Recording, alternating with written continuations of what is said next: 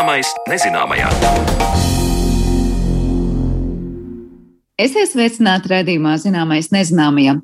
Ar jums kopā, kā parasti šajā laikā, mēs Sandra Kropa, un šoreiz mēs parunāsim par to, ko interesantu par humoru un to, kā un kāpēc smejamies, ir izpētījuši zinātnieki. Jau pavisam drīz par dažādiem ar smiešanos saistītiem jautājumiem runāsim ar pētnieci, kas noskaidros ne tikai to, kāds var būt humors, bet kāda ir bijusi tā loma dažādos laikos un valsts iekārtās. Bet pirms tam palūkosimies vēsturē un parunāsim par tīrību viduslaiku pilsētās. Jau pavisam drīz runāsim par to, kāpēc humoru pēta dažādi jomu zinātnieki un kā dažādos laikos tas ticis uzskatīts par ieroci vājo rokās. Bet pirms tam, paturpinot vēl par vēsturisko, aicinu noklausīties kolēģis Zanas Lācis veidoto sižetu par tīrību viduslaiku pilsētās. Viduslaiku pilsētu varēja saost, tai bija sava specifiska smaka, bet, ja palūkojamies uz mūsdienu lielpilsētām un degvielas aromātu tajās, tad arī varam teikt, ka šodienas pilsēta ož. Tā teica Latvijas Universitātes profesors, vēsturnieks Ilgvars Misāns, kad esmu viņu sazvanījusi, lai iztaujātu par blīvu apdzīvotu vietu sanitārajām un tīrības normām 14. un 15. gadsimtā. Pirmais jautājums vēsturniekam ir par to, vai tiešām stereotips, ka viduslaiku iedzīvotāji gāza naktspodu saturu ārā pa logu, ir patiesis. Naktspodu izgāšana tā ir sava veida klasika un droši vien, ka būs klausītāji, kuri zina un ir redzējuši 15. gadsimta beigās radušos gravīru no Sebastiāna Brantas atcerējumu muļķu kuģis. Un šī gravīra uh, it kā ir apliecinājums tam, ka tik tiešām kaut kas tāds ir noticis, fakts kā tāds ir fiksēts, bet ir jālasa arī teksts, kas ilustrē to notikumu.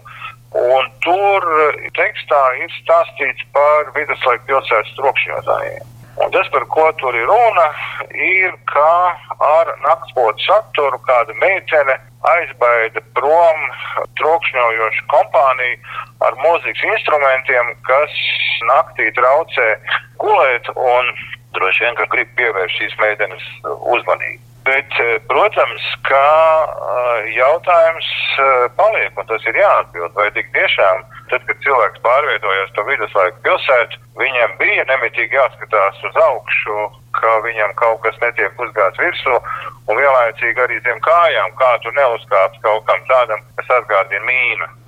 Nu, tas būtu pārspīlēt tā domāt, jo nevar teikt, ka higiēna viduslaikos būtu ļoti augstā līmenī. Un, protams, arī viduslaika pilsēta nebija tāda, kā tā ir mūsdienu pilsēta bija cūkas pilsētā. Tas no vienas puses varbūt tas arī nebija slikti, jo e, cūkas, kas brīvi staigā pa pilsētu, viņi daļu to netīram apēt. Nu, kā jau tas ir, visi tie dzīvnieki, viņi atkal rada savus netīrumus. Tā kā līdz ar to, protams, tā pārvietošanās pa pilsētu, nu, tā bija tāda, nebija ļoti patīkama.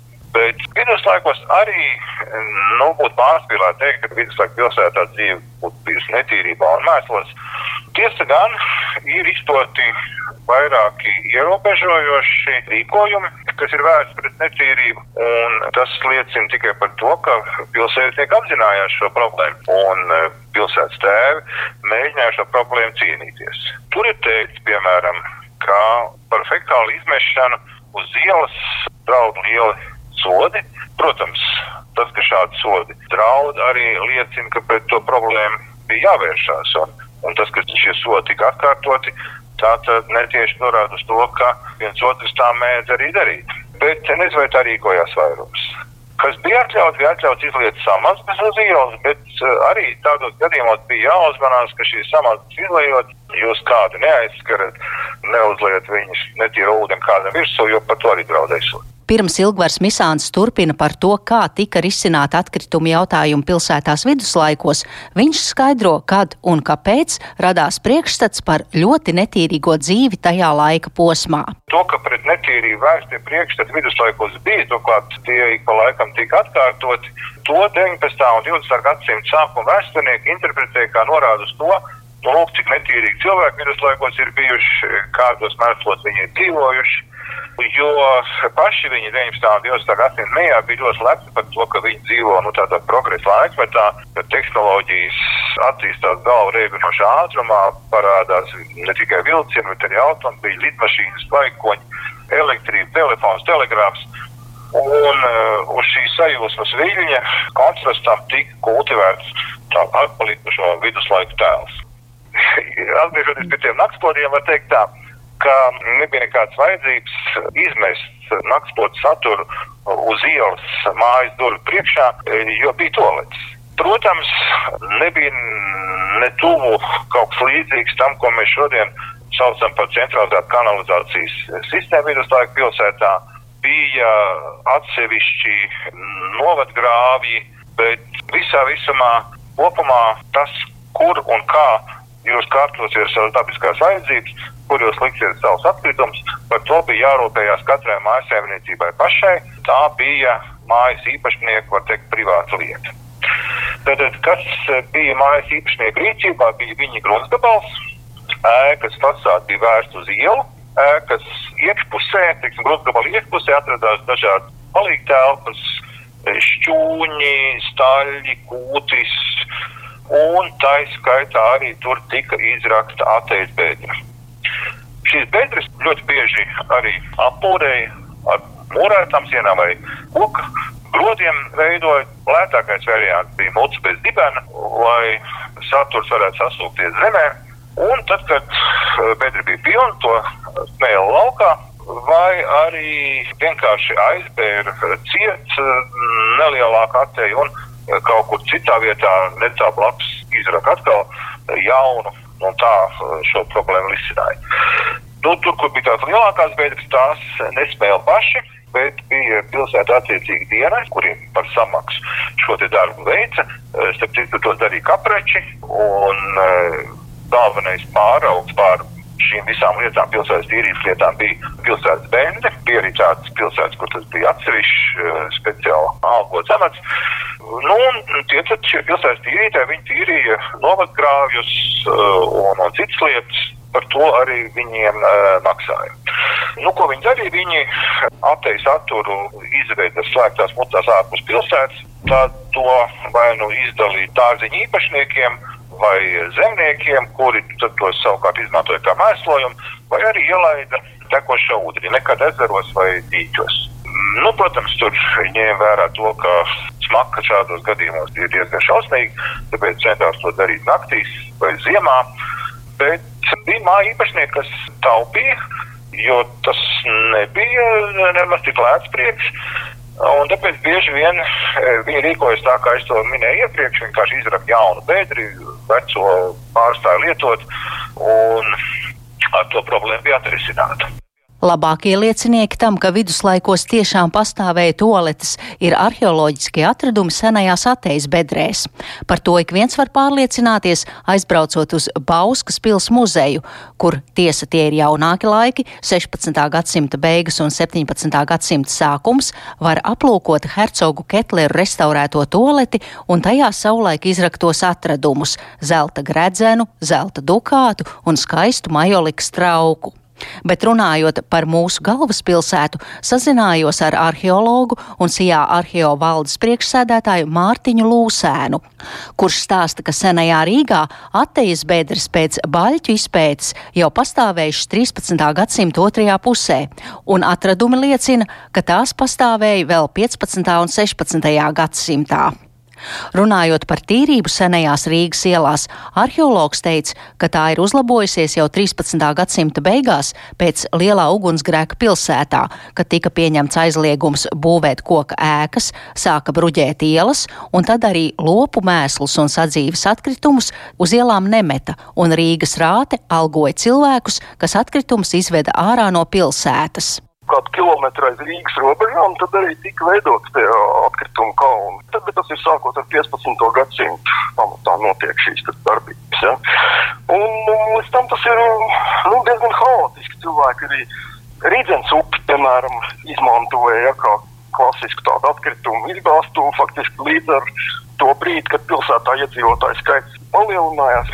Faktiski jau līdz ar pašiem Rīgas pirmsākumiem upe tika izmantot nu, kā tāda klasiska atkritumu izgāstuve, teiksim, citur vecrīgā izrakumos, nu, viduslaiku turslāņu biezums, tā kā nu, 3-4 metri, tad rīdzenes upes vietā tas var arī sasniegt līdz 7-8 metriem. Veicot arheoloģiskos izrakumus, vai ir kaut kādi atradumi? Rīgas upē ir, ir ārkārtīgi bagātīgi teiksim, atradumi. Ja? Tas ir viss pilsētnieku sadzīves priekšmeti, kas kaut kādā veidā ir vai nu salauzti, vai nokalpojuši savu laiku, vārdas apavi nodiluši. Ja?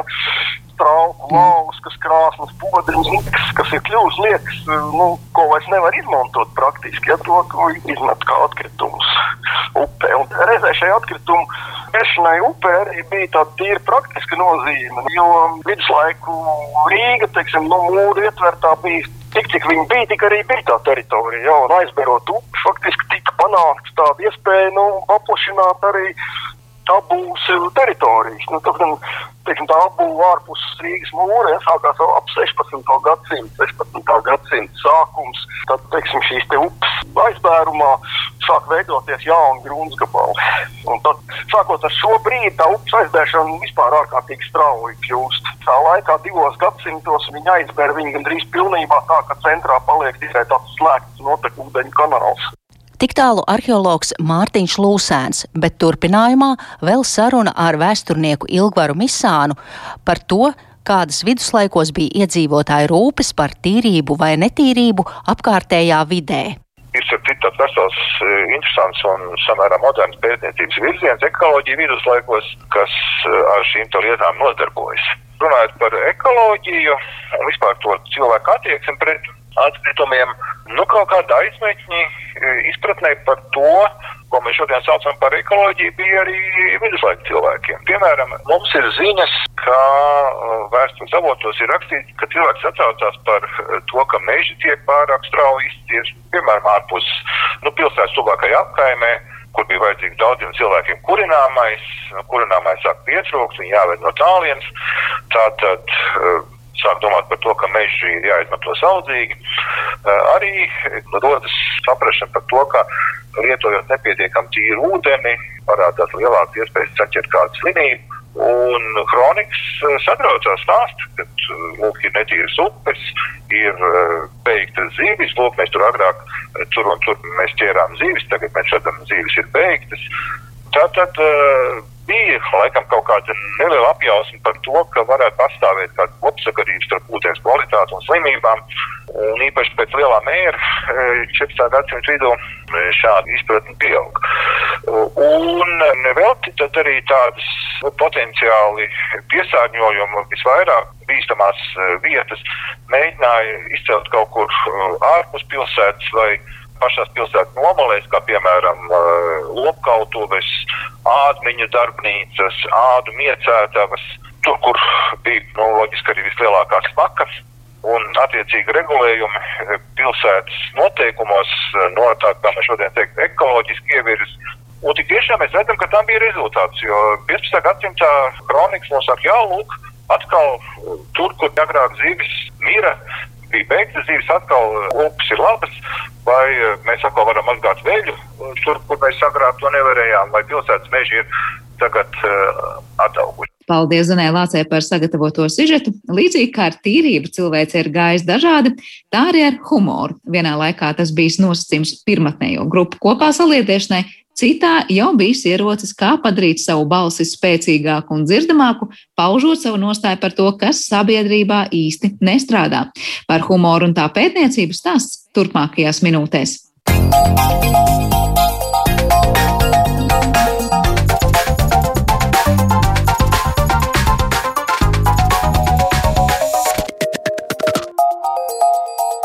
Zināmais nezināmajā. Satīriska karikatūra, galma, aksts vai mūsdienu stand-up izrādes, lai arī žanriski atšķirīgas, tās tomēr ir humora dažādās sejas. Katra savam laikam un auditorijai atbilstoša, bet kāda ir humora loma un ko par mums pastāsta tas, par ko smejamies, tie ir tikai daži no jautājumiem, kuriem pievērsušies humora pētnieki. Par pētījumu secinājumiem un humoru dažādām sejām tad arī šodien runāsim mēs raidījuma atlikušajā daļā, kad uz sarunu man ir pievienojusies Latvijas Universitātes asociētā profesora pedagoģija pedagoģijas, psiholoģijas un mākslas fakultātes psiholoģijas nodaļas vadītāja Ieva Stokenberga. Labdien, Ieva! Sveicināti! Pirms kāda laika festivālā Lampa jūs izteicāt vairākas interesantas frāzes par to, kāpēc mēs ne tikai smejamies par kaut ko, bet ļaujam arī citiem par mums pasmieties. Droši vien par šo aspektu mēs varētu parunāt sīkāk, bet pirms tam gribētu vaicāt, vai nu, tādām psihologu un zinātnieku acīm skatoties, humors ir tāds interesants rīks, nu, piemēram, psihologu rokās, lai par mums pateiktu daudz vairāk nekā mēs patiesībā, nu, liekas, ļaujam par sevi varbūt pastāstīt. Nu, Mēdz teikt, ka katrā jokā jau ir daļa joka. Nu, tas nozīmē, ka jā, nu, tur ir, ir pietiekami liela daļa tā, kas būtu nu, nosacīta saucam par patiesību. Līdz ar to, nu, jā, tā man, man izjūta ir, ka es negribētu aicināt, varbūt, uh, skatīties uz humoru kā uz kaut ko tādu, kas ir diagnostisks, um, instruments, nu, ka mēs tā kā, ha, pasaki, par ko tu joko, un es pateikšu vispār tevi. Nu, tas drīz, drīzāk būtu tāds pārspīlējums. Um, jebkuras, jebkura izpēta prasa pilnīgi citu pieeju, bet ir skaidrs, ka humors, dažāda veida komiskā izpausmes izpauž mūsu personību, mūsu uzskatus, attieksmes, un diezgan daudz ko arī ļauj nu, reflektēt par noteiktā sociālā kontekstā sastopamām sociālām normām un tādiem nerakstītiem likumiem. Līdz ar to, jā, es domāju, arī sociālās. Um, nu, jomu sociālo zinātņu pētniekiem tieši tāpēc humors ir bijis interesants uh, gan ilgi par to, ko, kādu jomu zinātnieki patiesībā apvienojas humoru pētniecībā, vai var teikt, tagad no arvien vairāk tas ir tāds tā sadursmes punkts starp psiholoģiju, pat neirozinātnēm un filozofiju. Tie ir tādi trīs stūrakmeņi, varbūt kas no katras savas puses mēģina to humoru skatīt, vai varbūt minēsiet pilnīgi citus aspektus un jomas, nu kas tad sanāk kopā, lai to humoru izpētītu. Nu, man jau šķiet, ka humoru pēta pilnīgi visu zinātņu nozara pārstāvja. Es godīgi sakot, nepretendēju nu, atbildēt, ka es zinu visu un visus. Pilnīgi noteikti nē, bet nu, tādam ieskatam, ja skatās humora, starptautiskā humora izpētes asociācijā, tā apvieno biedrus gan no filozofijas, gan no um, vēstures izpētes uh, jomām, dažādām humanitārām disciplīnām, lingvistika. Uh, protams, ka literatūra, pētniecība, folklora, politikas zinātnes, protams, socioloģija, antropoloģija. Nu, kā, es domāju, ka tas, jā, es domāju, ka no katra no šiem aspektiem mēs iegūstam pilnīgi citu skatījumu, un tas vienalga nenosedz to visu, kas humora pieredze ir. Jo tieši tā kā jūs pieminējāt, nu, ja mūs interesē vairāk tādi ķermeniskie aspekti, tad, protams, ir milzīgi daudz ļoti interesantu pētījumu, kā cilvēki ar dažādām, nu, arī tādām, nu, nu patoloģijām vai, vai kaut kāda veida jā, arī, arī tiksim, ar, ar dažādiem tādiem funkcionāliem traucējumiem, nu, kādā veidā viņi uh, apstrādā humoru. Un, un tad ir ļoti interesanti aizraujoši pētīt neirozinātnē par to, kuras kādas smadzeņu reģioni tajā ir iesaistīti un, un, un kuri kāda veida joks ķer.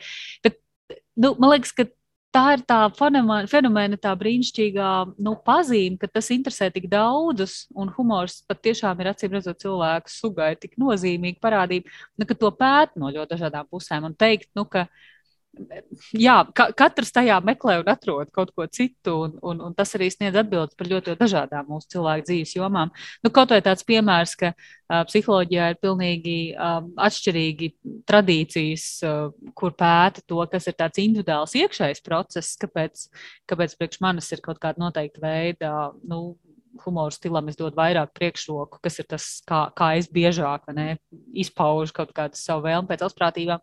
Un pilnīgi cits piemērs ir tas, kā es rēģēju uz, uz nu, apkārtējo izteiktajiem kaut kādiem anekdotiskiem izteicieniem. Ja, tur, tur ir uzreiz tāda pilnīgi citi, kaut kādi tādi citas teorijas, citas koncepcijas, kas palīdz mums to saprast par aizspriedumiem, par stereotipizāciju, par, par, par diskriminējošu attieksmi.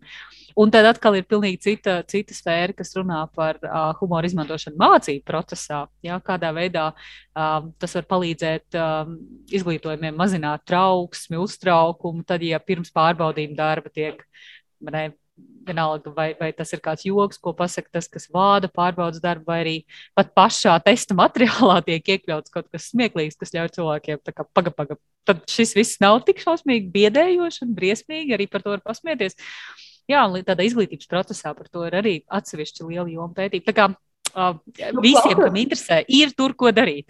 jā, klausoties jūsos, liekas, nu, pilnīgi noteikti, jā, nu, redz, kur iezīmēs noteikti viena izteikta humora loma, tā būtu noņemt to spriedzi vai piesauktie testa materiāli un laiks, vai es domāju, daudz kas cits. Bet cik tālu zinātnieki ir tikuši skaidrībā ar atbildi jautājumu, kāpēc mums tad evolucionāri varbūt ir bijis tik svarīgs tas humors? Ja pirmkārt, mēs joprojām to pētām arī no kaut kādas neirozinātnes perspektīvas. Un otrs, nu, ir lasījis daudz jā, par to, ka evolucionāri vispār cilvēku kopai kā tādai ir bijis svarīgi pasmieties. Nu, jā, mēs skatāmies arī uz mūsu citiem mazākiem vai cit, citādajiem brāļiem, ko mēs saucam par dzīvniekiem. Arī viņu nu, tādās sociālās, sāksim ar to, ka humors ir sociāls fenomens. Tas ir kaut kas, kas ir par būšanu kopā. Un um, tās saknes tādā evolucionārā nozīmē varētu būt saistības ar piederības izjūtu. Ja mēs kopīgi piedzīvojam pozitīvu emocionālu pieredzi, tad mēs to izjūtam kā tādu piederību, veidojošu, veicinošu. Um, un, un te mēs varam nu, ieraudzīt, ka tas mehānisms, kas tam, tam ir apakšā, jā, ka ja mēs ar ko kopā mēs esam gatavi rotaļāties. Mēs esam gatavi kopā rotaļāties ar tiem, kurus mēs uztveram par savējiem, ar kuriem kopā mēs jūtamies droši. Un te varbūt ir tās saknes, nu, tādai, tās, tās alegorijas vai tās paralēles ir par to, ka, nu, ka bērni viens otru kacina un, un ķircina. Vai kā, kā jā, mazi, mazi, mazi nezinu, kaķēni uh, viens otram uzbrūk, it kā jau, un tad kā, izliekās par beigtiem kaut kāda rotaļīguma elements. Un līdz ar to es domāju, ka tā ir ļoti, ļoti svarīga daļa no mūsu nu, tādas kā sugas vajadzības, ka mēs apmierinam tādu kopā būšanu rotaļīgā veidā, vienlaicīgi stiprinot savas savstarpējās saites un gūstot pozitīvas emocijas. Un līdz ar to nu, no šī viedokļa raugoties, ir skaidrs, ka tāda savstarpējā ķircināšanās, um, savstarpēja tāda kutināšana, smiešanās, uh, vienalga vai tā ir kopīgu anekdošu stāstīšana, vai tā ir ķermeniska pieredze, kur, kur es nezinu, ģimene viens otru kutina, un tas ir tāds beigais līksmīgs, līksmības tāds mirklis. Nu, tā ir tāda viena ļoti, ļoti svarīga daļa. Um, tas, tas būtu tas, kas attiecās arī uz tādu nu, to daļu mūsos, kas līdzinās citām sugām. Um, kur pretī, tad, ja mēs runājam jau par tādu humoru, kā tādu intelektuālu ja, pieredzi, tad ļoti svarīga daļa, ko mēs zinām, ko pētnieki ir, ir izpētījuši, ko mums tas, tas humors dod. Humora pieredzē, nu, pēc definīcijas, ja, kaut kas ir smieklīgs tad, ja tas sniedz negaidītu skatījumu uz situāciju vai apvieno kādas divas dažādas um, nu, kā, nu, perspektīvas uz vienu un to pašu. Un ko tas dod? Tas dod iespēju mums ieraudzīt, ka katrā situācijā ir iespējami vismaz divi skatu punkti, vai kā ir iespējams uh, uz lietām paskatīties no dažādām pusēm. Ko tas iedod? Tas iedod pirmkārt tādu brīvību. Aha, tas atbrīvo kaut kādu, wow, var arī šādi. Un tas, tas, tas nu, no vienas puses, jā, šī negaidītā izjūta bieži vien ir atbrīvojoša. Mēs caur smiekliem, sevišķi tad, ja tas joks ir uzbūvēts, un tad mēs izlādējam to, to, to, to uh, uzlādēto spriedzīti tādu prieka, smieklu veidā. Bet ko tas izdara tādā kognitīvā, tādā nu, izziņas uh, perspektīvā, ka mēs spējam uz to situāciju paskatīties drusku no malas. Jā, lai mēs par kaut ko jokot, mums ir jāvar uz viņu tā paskatīties no malas, kā no vienas puses un no otras puses. Un tad šeit ir tas brīnišķīgais resurss, ka ja mēs jokojam paši par sevi, kādā situācijā. Tas nozīmē, ka mēs esam spējuši paskatīties uz sevi no malas, par to, ka, kā tas varētu izskatīties no malas, vai vai uh, nes ko kāds domā skatoties uz mani, vai nes kā tas izskatīsies pēc pieciem gadiem. Ja? Nu, vai, jā, nu, visdažādākās kategorijas, kā mēs uz to, uz to raugāmies.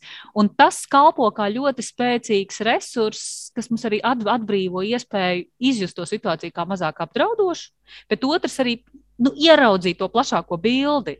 Nu, ja tur ir vieta smieklēm, tad tur noteikti ir vieta arī risinājumam. Nu, Nevelti jau saka, ka humors nu, tajā augstākajā pilotāžā un pakāpē ir tad, kad tu spēj pats pasmieties par sevi vai kaut kādām tām savām situācijām vai nedienām vai ko citu.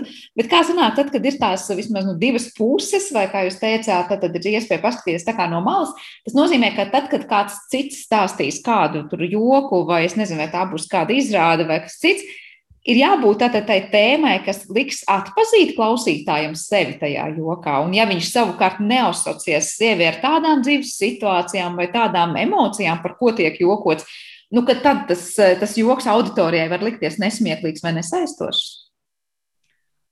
Vai nu te atkal no vienas puses uh, ir vienkārši, bet nav vienkārši. Jo tas, kāpēc kurš joks, kuram, kurā brīdī liks smieties vai neliks smieties, nu, tas ir ļoti pats par sevi atsevišķs jau temats, un kur droši vien profesionāli komiķi var vairāk uh, pastāstīt pat nekā es. Bet nu, skaidrs, ka konteksts dara savu. Ja es nāku gatavs smieties, vai ja es vispār, uh, vai es nāku smieties par kaut ko, nu, es tā kā gatavojos, kad ir komēdija, vai es nāku gatavs smieties par sevi, ja es zinu, ka tas ir, stand-up komēdijas uzstādījums, ka es nāku gatavs, ka man izsmēja, vai, vai es nezinu, es esmu politiķis, kas ir gatavs, ka man cepina, vai, vai um, es nu, iesaistos kaut kādā tādā vārdu kaujā. Tas, tas konteksts, tas, kam es gatavojos, ir pusi. Nu, jā, tas ir liela daļa no tā, vai tas liksies, vai tā humora pieredze būs vai nebūs. Um, bet tas, kas nu, man šķiet ir ļoti būtiski, ka, protams, ka, nu, ja mēs varam asociēt sevi ar to noteikto situāciju, tad, protams, tas mūs varētu uzrunāt daudz vairāk. Bet um, te atkal ir tāda ļoti interesanta nianses, jo, jo, piemēram, domājot par dažādu veidu jokiem, kur, kur, nu, kuru objekts, tā, nu, tas, tas, par ko tiek jokots, ir nu, kaut kādas noteikti specifiskas grupas. Tad uh, nevienmēr tas ir tā, ka es, piemēram, identificējos nezinu, ar sievieti ar gaišiem matiem. Um, ka es vienmēr smiešos par blondīnu jokiem. Ja? Nu, kā, vai, vai gluži otrādi, ka man viņi vienmēr liksies aizskaroši. Nu, arī tas, tas nav, nav, nav tik viennozīmīgi, ka, ka šajā gadījumā tur veidojas tā kombinācija no, no mana individuālā nu, no manām individuālām attiecībām ar šo konkrēto kategoriju, cik lielā mērā es jūtos, ka nu, tā esmu es un, un, un ka tas pārklāja tādu svarīgu man identitātes daļu, ja tā ir noteiktajā brīdī. Um, nu, man nāk prātā, nu, ja teiksim, ļoti automātiski dzimums kā kategorija uh, paliek uh, nu, izceļās vai tiek aktiv, aktivizēts, tad, ja nu, teiksim, kas notiek, ja auditorijā ir. Uh, Nu, pieņemsim, daudz ir saskārušies ar tādu situāciju. Sanāk cilvēku uz kādu nodarbību, uh, kur uh, gan arī visi dalībnieki ir sievietes un ir viens vīrietis. Ja? Automātiski šis viens vīrietis izceļas, un, un, un, un, un kaut kādā veidā šis dzimuma konteksts tiek uzreiz izcelts un aktivizēts. Pietiek būt viņiem diviem, tas bieži vien vairs nav, vairs nav temats. Un tad iedomājieties situāciju, pieņemsim, ka es ieeju vadīt, es nezinu, kādu nodarbību, un, un auditorijā viss ir vīrieši, un es esmu vienīgā sieviete visdrīzāk varētu būt, ka kaut kāds automātisks joks varētu būt par šo aktivizējās. Jā, ka kā, šis, šis vienkārši ir aktīvs elements. Bet ir svarīgi tas, vai es esmu kaut kādā ziņā mierā ar šo tematu, ar šo kategoriju sevī, vai, vai manī tas raisa kaut kādu neatrisinātu konfliktu, vai tā ir sāpīga kategorija priekš manis. Un šeit droši vien nu, ļoti interesantu vielu pārdomām sniedz uh, nu, tie pētījumi, kas ir, kas ir vējuši veltīti tam, kā dažādu grupu pārstāvi uztver um, anekdotas, karikatūras par viņiem. Jā, nu, droši vien tāds, tāds uh, gan daudz pētīts ir cilvēki ar kustību traucējumiem. Jā, cik, cik daudz un, un viņi ir gatavi pasmieties paši par sevi, un cik smieklīgas liekas karikatūras, kur ir attēlotas ne dažādas. Um, um, kuriozitātes saistītas ar, ar šiem kustību ierobežojumiem. Un tad ir, uh, jā, ir, ir skaidrs, ka nu, šāda veida jokiem, protams, ir liels risks uh, būt pārprastiem. Bet vienlaikus pētījumi arī rāda, ka tur ir zināma tendence, ka, ja es esmu tā internalizējis, pieņēmis, ja teiksim, šī būšana ar kustību traucējumiem ir kļuvusi par tādu organisku daļu no manis, no manas identitātes, tad ir lielāka iespēja, ka es šo joku uztveršu kā smieklīgu. Un, un tur ir tāda nu, ļoti, ļoti svarīga lieta, ka šis ir no tā uztvērēja puses, ja, kā es attiecos pret šo kategoriju. Bet pilnīgi vēl cits stāsts ir, kādi ir tie jokotāji nolūki, kāda ir viņa nodoma. Jo, ja viņš to dara, lai mani ne, ie, iepriecinātu, tā ir viena tēma, bet pilnīgi cits ir tad, ja viņš to mērķiecīgi izmanto, lai, lai uh, liktu citiem vēl smieties par mani vai, vai kaut kādā veidā ap, nu, apsmietu, izsmietu. Un tas veido nu, tad, tad vēl svarīgu elementu. Ja tad viens ir konteksts, tad mana attieksme, un joka autors. Ja, tad, tad tur veidojas tieši šie vairāk, vairāk aģentu simbiozi, kas veido visu to kopā. Tieši gribējās vaicāt, jo viena lieta droši vien ir, kamēr cilvēks ar kustību traucējumiem pats smējās par tādiem, kā viņš vai sevi, tās ir, protams, viņa tiesības, un viņi varbūt tiešām spēja pieņemt situāciju un palūkoties uz to kaut kā vieglāk. Bet es tieši gribēju vaicāt, kas ir tas, kas mums, kā nu, tiem, kas varbūt tajā brīdī stāstīt to joku vai pieņemt lēmumu, tomēr nestāstīt tādu joku vai nejokot. Mūsu, es nezinu, smadzenēs vai kur citur ir kaut kādas ieaudzinātās normas, kas pateiks, to drīkst un to nedrīkst. Tas var būt aizskaroši, vai to, lai arī es gribētu, varbūt atvieglot cilvēku kaut kādu skatījumu uz lietām, patiesībā liks viņam justies aizskartam vai pazeminātam manās acīs. Vai tas ir kaut kāds intelekta līmenis, kas cilvēkam liek pateikt, nē, par to īsti jokot nevajag un nevajadzētu. Kas ir tās bremzes, kas cilvēkam, kas nav ar kustību traucējumiem, nu tad varētu pie, likt pieņemt to lēmumu, jokot vai nejokot par to? Um, nu, es droši vien gribētu jā, šeit atsaukties uz piemēru, ko stāstīja. Uh, jā, tā pašā festivālā Lampas ir fantastiska diskusija. Tiešām lieliski iespēja kopā ar stand-up komiķiem reāli no, prak no prakses paskatīt piemērus.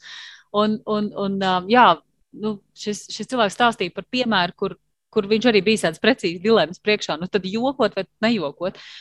Un te man liekas, man gribas vēlreiz atgādināt to, nu, pirmkārt, svarīgais ir konteksts, jā, vai, vai, vai cilvēki šajā kontekstā ir nākuši ar domu, ka tas būs kaut kas, kur var sagaidīt, vai nē. Ja tas ir pilnīgs pārsteigums, ir lielāka iespēja, protams, nošaut greizi. Otrs, kas man šķiet ļoti, ļoti svarīgs elements, tomēr ir šis nodoms. Ja, ar kādu nodomu es to daru? Jo dažkārt nu, mums visiem ir nācies, protams, ar labiem nodomiem arī gadās aizšaut greizi, bet tomēr piekritīsiet, nu, ka tad ir daudz vieglāk pateikt.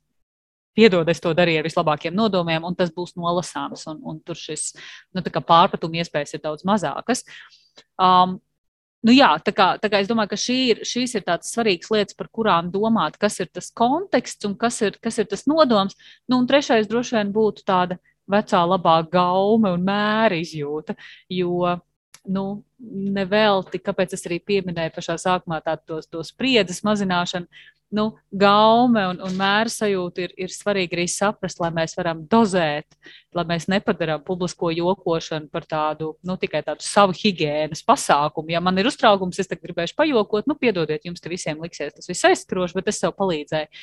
Nu, kad, nu, jā, nu, tad vienmēr drošais variants ir jokot par sevi. nu, ja reiz es gribu sev palīdzēt, tad, tad par sevi arī smējos.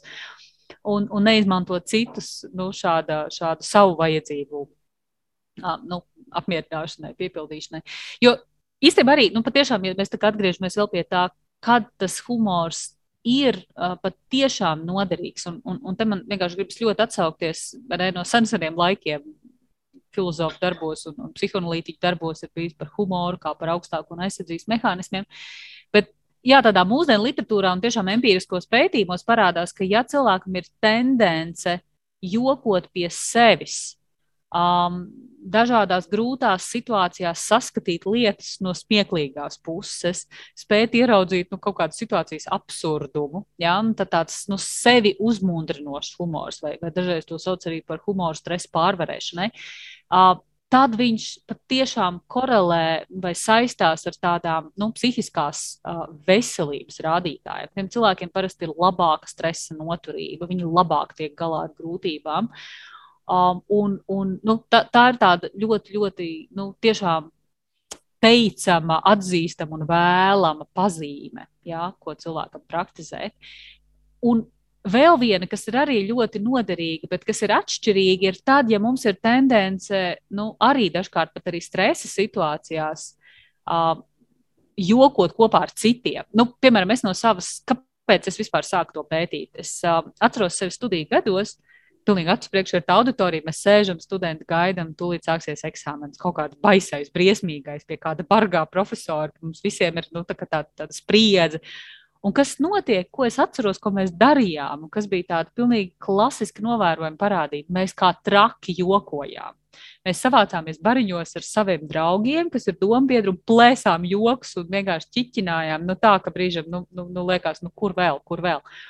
Un tur, tur kalpo viens tāds ļoti spēcīgs mehānisms, ka tad, ja mēs esam kopīgi likteņa biedri, ja, tad mēs savstarpēji viens otru varam vislabāk atbalstīt. Un tieši tāpēc tie joki likās tik neticami smieklīgi visiem tiem, kas arī ir tajā pašā situācijā. Ja. Tas kalpo kā tāds. Otru? Bet jūs jokojat? Mēs jokojām, mēs jokojām par sevi uh, tajā situācijā, bet tikpat labi nu, tas notiks ar Jānu, Pēteru, Annu vai Mariju vai, vai Ilzi, vai, vai kā nu katrs ir mācījies, vai ko nu katrs nav darījis. Ja? Mēs patiešām nu, jokojām kopā viens ar otru.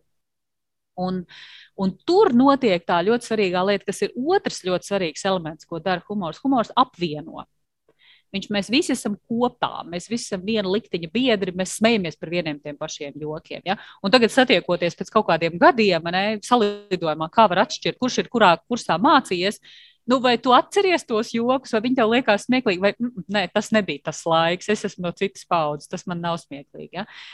Tas kļūst par tādu pazīšanās zīmi, un tā mēs zinām no, no ļoti citiem pētījumiem, ka sociālais atbalsts ir nu, vislielākais resurss stresa pārvarēšanai. Un tad šajā veidā humors kalpo kā brīnišķīgs mehānisms, kas šo sociālo atbalstu pastiprina. Ja mums ir kopīga, pozitīva, rotaļīga, aktīva pieredze grūtā brīdī.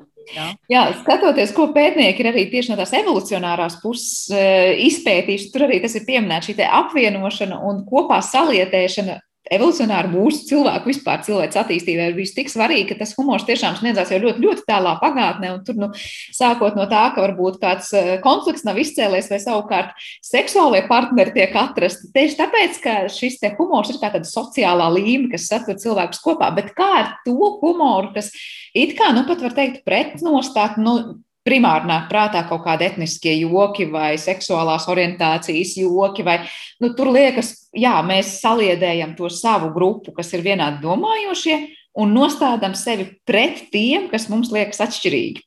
Un tomēr, vai tad, ja cilvēki smiesies vienalga par rasistisku raksturu jokiem, viņi būs rasisti? Vai, vai es nezinu, kā citādi izslēdzoši, vai var teikt, es neesmu rasists, bet es pasmiešos par joku, kurš būs rasistisks raksturs. Ir ļoti interesanti pētījumi, ka uh, cilvēki mēdz spontāni smieties arī par ļoti seksistiskiem jokiem, lai gan viņiem nav pieņemami šādi uzskati. Un uh, tam ir nu, diezgan vienkāršs skaidrojums, ka tas veids, kādā mm, nu, mūsu spriedze tiek uzlādēta, Um, tad, ja joks, jo īpaši viņš ir labi būvēts, ja, tad labi jo, būvēts joks nu, paredz būvēt, Viņ, viņš kāpina to spriedzi um, tad tas, kas notiek, šī izlāde bieži vien ir spontāna. Uh, un jā, man, man var nākt smiekli par, par seksistiskiem jokiem, man var nākt, joki, uh, man var nākt smiekli par rasistiskiem jokiem. Es varu apsmieties uh, par anekdotēm, kurā tiek izsmieti cilvēki, par kuriem es pilnīgi noteikti negribētu ņirgāties vai kaut kādā veidā norādīt. Un šeit ir uh, nu, tāda ļoti interesanta lieta, ja mēs skatāmies no um, no tādas, nu, arī tāda teorētiskā bloka, tad patiesībā jau tiešām tā ir viena. Īstenībā filozofijā, es neesmu eksperts šajā jomā, bet mans, mans priekšstats, kāds ir redzējis, filozofijā humora pētniecība pārsvarā ir tikusi veikta tieši no šīs pārākuma pozīcijas, kur, kur humors tiek traktēts kā tāds nu, agresijas paveids. Kaut kas kādā veidā tiek demonstrēts vienas grupas pārākums pār otru, vai tas tiek izmantots kā ierocis, lai, lai, lai dažādi smalkākā vai netik smalkā veidā izrēķinātos ar pretinieku. Un ir pat hipotēze par to, ka humors ir veidojies nu, kā tāds um, savā ziņā audzējošs paņēmiens. Es varu uh, parādīt savu pārākumu, uh, atņirgt zobus, izrādīt savu varēšanu, bet vienlaicīgi aizsargāties no riska saņemt pretī pa muti. Ja? Nu, mums ir mazāk asins izliešana, var notikt šī, šī cīņa. Nu, tāda ne, alternatīva, kā vēl var izkauties cilvēki. Un tieši no šī viedokļa raugoties, es domāju, uz to arī ir vērts skatīties, ka jā, humors var būt forma, kā izpaužās mūsu agresija, kā var izpausties kaut kāda mūsu agresīva impulsa. Un te ir jāturprātā, ka um, tas, ka cilvēki spontāni kādreiz uz kaut ko norēģēja un, piemēram, sasmējās, Uh, es ļoti gribētu aicināt, ka šim nevajadzētu kļūt par tādu pašcensūras momentu. Kad cilvēki dažreiz saka, ārpēc man pat man kauns, nu, man kauns, es, es, es negribu, lai man padomā, ka es, ka es piekrītu šādiem uzskatiem, bet nu, man, nu, tas, tas man liekas tik smieklīgi. Un nesko tas tagad par mani liecina visbiežāk tas neko īpaši neliecina. Jo patiešām, nu, jā, protams, ir kaut kāda zināmā sakarība, ja es mērķiecīgi nu, meklēju stāstu, baudu, patērēju, tas ir mans viss anekdošu repertuārs, kas sastāv no, no seksistiskām anekdotēm. um, tad, tad jā, tam biežāk ir korelācija ar kaut kādu veidu nu, tādiem uzskatiem. Bet, ja mēs uh, spontāni norēģējam uz to un izlādējam savu uzjautrinājumu, tas, ne, tas, tas, nesai, tas, no, tas nenozīmē, ka es tagad esmu aizspriedumains cilvēks. Es šo gribētu noņemt cilvēkiem nost. Tas nenozīmē, tad, ka manī zemapziņā ir nospiestas, apspiestas emocijas, kuras es sev neļauju izpaust, bet patiesībā, nu, man liekas, ka tur tiešām, nezinu, tie rasistiskie vai seksuāli rakstura joki ir tie, kas mani visu laiku tur nodarbina, vai es esmu pret konkrētiem, tur, nezinu, eh, minoritāšu cilvēkiem, vai etnisko minoritāšu, vai seksuālo minoritāšu, vienalga kādiem. Un proti, tad nav jādomā, ka tas, ja es kādreiz sasmējos par šādiem jokiem, mani ieliek tajā kastītē, tad droši vien es savu apspiežu par to varbūt publiski runāt.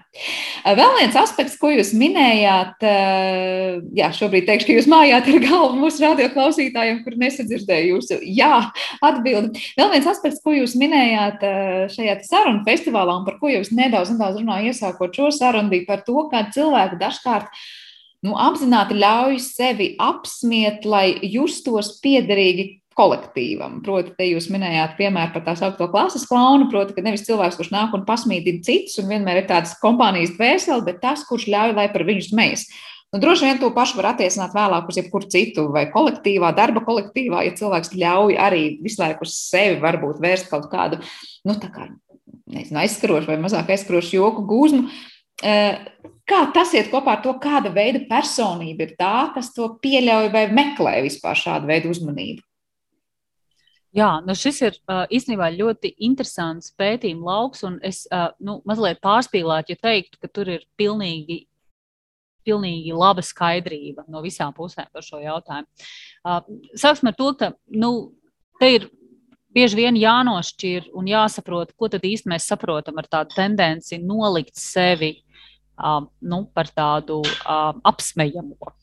Uh, angļu valodā vai, vai tādā, nu, tradīcijā, kas nāk no Amerikas Savienotajām valstīm, tiek lietots vārds self-defeating humor. Nu, tas nozīmē tāds cilvēks, kurš ļauj sevi noniecināt, pazemot, kurš ļauj, ka par viņu smejas, viņu izsmej. Un, um, jā, tas, kas ir atrasts uh, tādos nu, meta-analīzes pētījumos, tas nozīmē, ka ir salikti kopā daudz pētījumu, kas, kas šo ir skatījuši, un ja liek kopā cilvēku tendenci šādā veidā um, nu, izturēties, Tātad, ko, ko, kā tas iet kopā ar citām viņa personības iezīmēm. Un tad, tas, kas ir atrasts, ka šī tendence, nu, tā vidē cieši tomēr korelē ar, ar tādu pazīmi, ko saucam vārdā par neirotismu, ja par tādu nu, lielāku tendenci uz, uz, uz biežākām un intensīvākām negatīvām emocijām, augstāku trauksmu, augstāku depresivitāti, zemāku pašcieņu. Jā, nu, tas būtu tāds komplekss. Tur, tur nav, nav viens pret vienu, bet tomēr nu, tā korelācija pastāv. Un šeit tas viens no skaidrojumiem, ka ja cilvēks nu, šādā veidā sistemātiski, un tas ir tā tāds viņa, nu, viņam raksturīga pazīme, tas nav tikai ka vienā kaut kādā noteiktā vidē tas notiek, tad jā, tas, tas skaidrojums ir, ka šādā veidā nu, kaut kāda daļa cilvēku var saņemt nu, to pieņemšanu.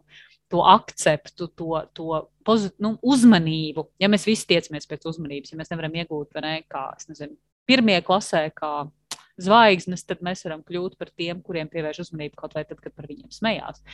Un arī nu, šiem cilvēkiem ir liela loma katrā grupā.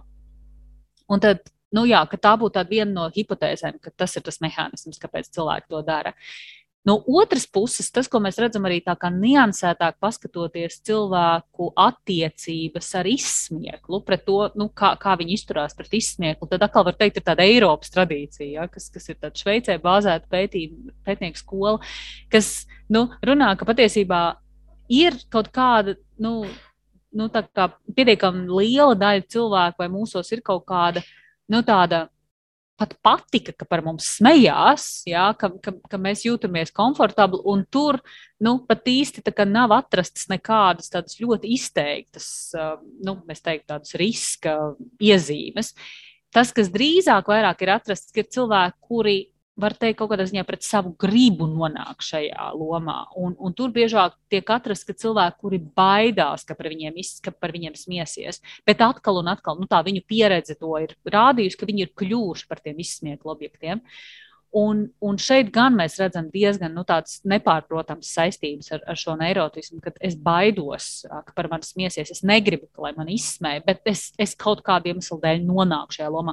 Un tas, ko mēs zinām teiksim, no dažādu veidu mobbinga pētījumiem, Tur patiesībā nav diez cik nu, tādas ciešas korelācijas ar cilvēku personību. Cilvēki var kļūt par, par, par tiranizēšanas upuriem. Ļoti, tie ir situatīvi faktori, kas to var noteikt. Un to ļoti lielā mērā nosaka tieši tā sociālā vide. Jā, un tas, kurš būs tas, par kuriem smiesies, tas jau ir bieži vien vienkārši loterija. Un tad mēs droši vien redzam, ka, ja tā ir sagadījies, ka es esmu nonācis un, un, un tā vide ir nelabvēlīga, vai tā vide ir tāda, kurā ir pieņemts nu, ņirgāties par otru, un es esmu tas cilvēks, kuram ir ok, ka par viņu smējās. Es pat varu no tā, tad, tad es varētu būt šis cilvēks, jā, kas esmu ar mieru būt klases klauns un no tā iegūt sev kaut kādas dividendes. Jā. Turpretī, ja es esmu tas cilvēks, kuram nepatīk, kurš negrib, tad es pa īstam jūtos kā mobbinga upuris. Es, es jā, tādā veidā patiešām piedzīvoju īstas ciešanas. Līdz ar to šeit atkal nu, uh, nu nav tik vienkārši. Jā. Mēs, mēs redzam, ka patiešām tās reakcijas var būt individuāli ļoti atšķirīgas. Bet tas, ko man ļoti gribētos, nu, domājot par, par ikvienu, kurš ir kaut kādā brīdī nonācis situācijā, kurā vai nu es esmu liecinieks tam, ka par kādu ņirgājās un ir redzams, ka viņam tas nepatīk, vai arī es pats esmu tas cilvēks, kurš jūt pret sevi adresētus kaut kādu veidu jokus, kas nav priekš manis ok, es neesmu gatavs to pieņemt. Ir konfrontēt, nu, stāties tam pretī un teikt, ka šis nebija ok, šis nebija smieklīgi. Un ļoti svarīgi izturēt nākamu apvainojumu, kas ļoti bieži nāk klāt. Tev vienkārši nav humora izjūtas, tu joks nesaproti. Ja? Jo tas ir tas otrs trieciens. Ja mēs nevaram tādā veidā ievainot, mēs ievainojam. Nu, jo tas, ka tev nav humora izjūtas, bieži vien nu, ir sinonīms tam, ka tu neesi gana gudrs. Ja? Nu, tā, ja? Līdz ar to izturēt šo otru un sakot, nē, man ir ok ar humora izjūtu, bet šis nav ok ka par mani smējās tādā veidā, vai arī tu nedrīkst smieties par, par es nezinu, kas man tas par lietām, kas man ir svarīgas pieredze. Jā. Jā, par lietām, kas man ir svarīgas. Tieši tā. Un, un, un šitā ir tā smalkā robeža, ka, ka jebkurā kompānijā, ja mums ir um, nu, mūsu kaut kādi nerakstītie likumi, ka mēs mēdzam viens otru vilkt uz zoba, tas ir brīnišķīgi, ja tas ir tāds savstarpējs mehānisms, un tas var būt ārkārtīgi pacilājoši. Bet vienmēr uh, ikvienā šādā brīvprātīgā apvienībā ir jābūt cilvēkam ar balstiesībām. Man ir tiesības, nē, stop, šis nebija ok. Un, un tā ir viena lieta, ko gribas vienmēr likt klāt. Uh, es vienmēr esmu par to, ka mēs varam jokot praktiski par visu. Bet mums vienmēr ir jābūt gataviem atbildēt par saviem vārdiem, atvainoties, ja tas ir kāda aizskāris. Un pilnīgi noteikti vienmēr man ir tiesības pārtraukt un teikt, mm, šitas nē, šitā vairs mēs to neturpinām. Jā, šeit ir vairāk aspektu, kurus noteikti, noteikti gribētos paturpināt, bet, diemžēl, mūsu sarunai tūdaļ ir jāliek punkts. Bet jūs pieminējāt šo te humoru izjūtu, bieži vien pārmet, tev nav humora izjūtas. Ja? Cik daudz ir zināms par to, kā tad veidojas tā mūsu humora izjūta? Vai tas ir kaut kas, mēs piedzimstam, un es nezinu, viens vienkārši līdzīgi, kā mēs teiksim, nu, tur viens ir vairāk raksturā tāds vai šāds, un tad vienam ir tā humora izjūta, otram nav. Tas ir kaut kas, ko mēs noteiktā vecumā iemācāmies un iegūstam. Kā, cik tālu zinātniekiem ir atbildes ar to, kas tad īsti ir tā mūsu humora izjūta un no kurienes tā rodas? Nu, tur, ir, tur ir ļoti īsā valodā sakot, ir pamats un ir updates. nu, tā ir pamats, kas ir mūsu emocionālais temperaments, tā ir pirmkārt gatavība priecāties, un tam ir saistība ar to, cik mēs vispār esam tādi, ka mums ir svarīgi uh, un viegli uh, priecāties. Mēs meklējam no bērna kājas iespēju kustēties, ķiķināt, daudzīties, nu, kā, būt aktīvi un enerģiski. Uh, Uh, otrs ļoti svarīgs elements ir rotaļīgums, cik mēs to saglabājam, jo humors ir par rotaļāšanos. Un trešā ir par tādu um, vajadzību un vēlmi um, nu, veidot šādu intelektuālu izaicinājumu, citu veidu skatījumu. Un tur, tur, tur mēs redzam tādu nu, saistību jā, ar tādu atvērtību, pieredzēju, dažādiem skatījumiem, um, spēju veidot kaut kādas konstrukcijas, tīri jau tādā intelektuālā nozīmē. Un šis, šis ir tāds ļoti īsais skaidrojums, ka vērtējot humoru izjūtu, mums vienmēr jāskatās, kādā vecumā ir bērns. Un, nu, ja mēs runājam par bērniem, pusauģiem, jā, tad tas viens mēs ļoti labi zinām, ka ir joks, kurš nesaprot līdz noteiktam vecumam. Viņš smējās līdz, pēc, kad cits smējās. Un tad jau tuvojoties pusauģu vecumam, ah, es sapratu, kur ir tas joks, jo es sāku saprast šīs abstraktās kopsakrības. Un, un, jā, un tad, tad, tad jau tā tālāka attīstība, protams, ir saistība arī ar mūsu morālu attīstību. Vai es nu, jokoju labvēlīgā veidā, vai es esmu gatavs to izmantot arī, lai ievainotu.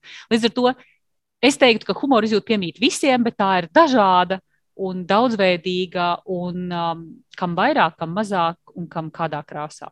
Tā kā dažādās slāņos un dažādās, es nezinu, vai, vai kategorijās, bet tā ir veidojusies. Un droši vien, ka turpina veidoties visu dzīvi, vai ne? Jo, ja mēs morāli vai intelektuāli sevi kā nezinu, vairāk attīstām, tad droši vien tas, kas mums liekas smieklīgs vienā vecumā, varbūt pēc dažiem gadiem mums vairs nešķiet pieņemams, par ko vispār jokot un vai par to jokot, jo mēs varbūt iekšēji morāli esam auguši un varbūt kaut kādas pilnīgi citas normas sev pieņēmuši kā pieņemamas vai nepieņemamas tieši attiecībā uz to, par ko?